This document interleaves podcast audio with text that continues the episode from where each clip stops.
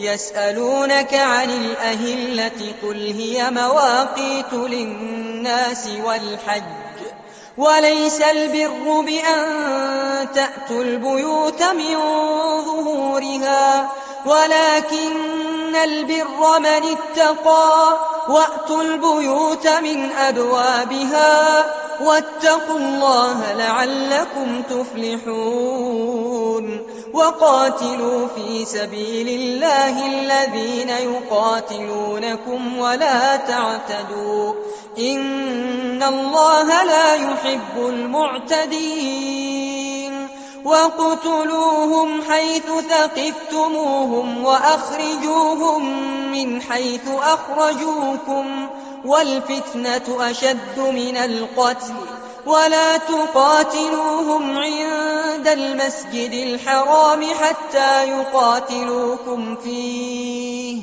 فإن قاتلوكم فاقتلوهم كذلك جزاء الكافرين. فإن انتهوا فإن الله غفور رحيم. وقاتلوهم حتى لا تكون فتنة ويكون الدين لله.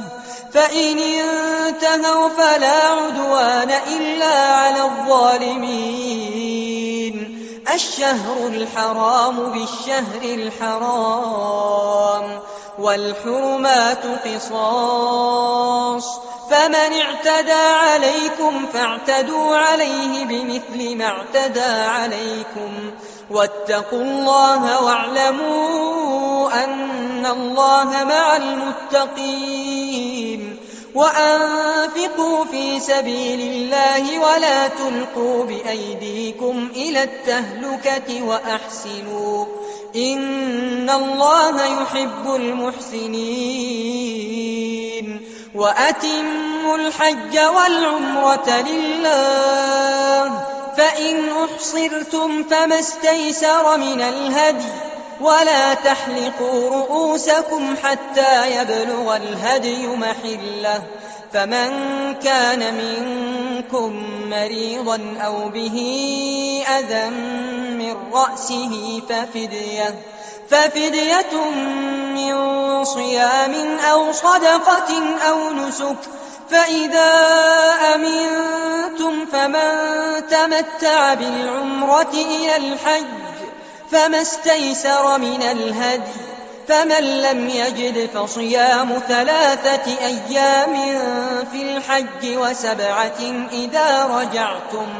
تلك عشرة كاملة ذلك لمن لم يكن أهله حاضر المسجد الحرام واتقوا الله واعلموا أن الله شديد العقاب الحج أشهر معلومات فمن فرض فيهن الحج فلا رفث ولا فسوق ولا جدال في الحج وما تفعلوا من خير يعلمه الله وتزودوا فإن خير الزاد التقوى واتقون يا أولي الألباب ليس عليكم جناح أن تبتغوا فضلا من ربكم فإذا أفضتم من عرفات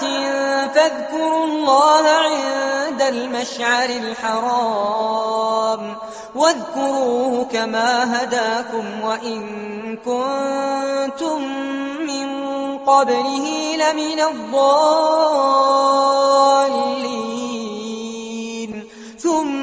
أفيضوا من حيث أفاض الناس واستغفروا الله إن الله غفور رحيم فإذا قضيتم مناسككم فاذكروا الله كذكركم آباءكم أو أشد ذكرا فمن الناس من يقول ربنا آتنا في الدنيا وما له في الآخرة من خلاق ومنهم من يقول ربنا آتنا في الدنيا حسنة وفي الآخرة حسنة وقنا عذاب النار أولئك لهم نصيب مما كسبوا والله سريع الحساب.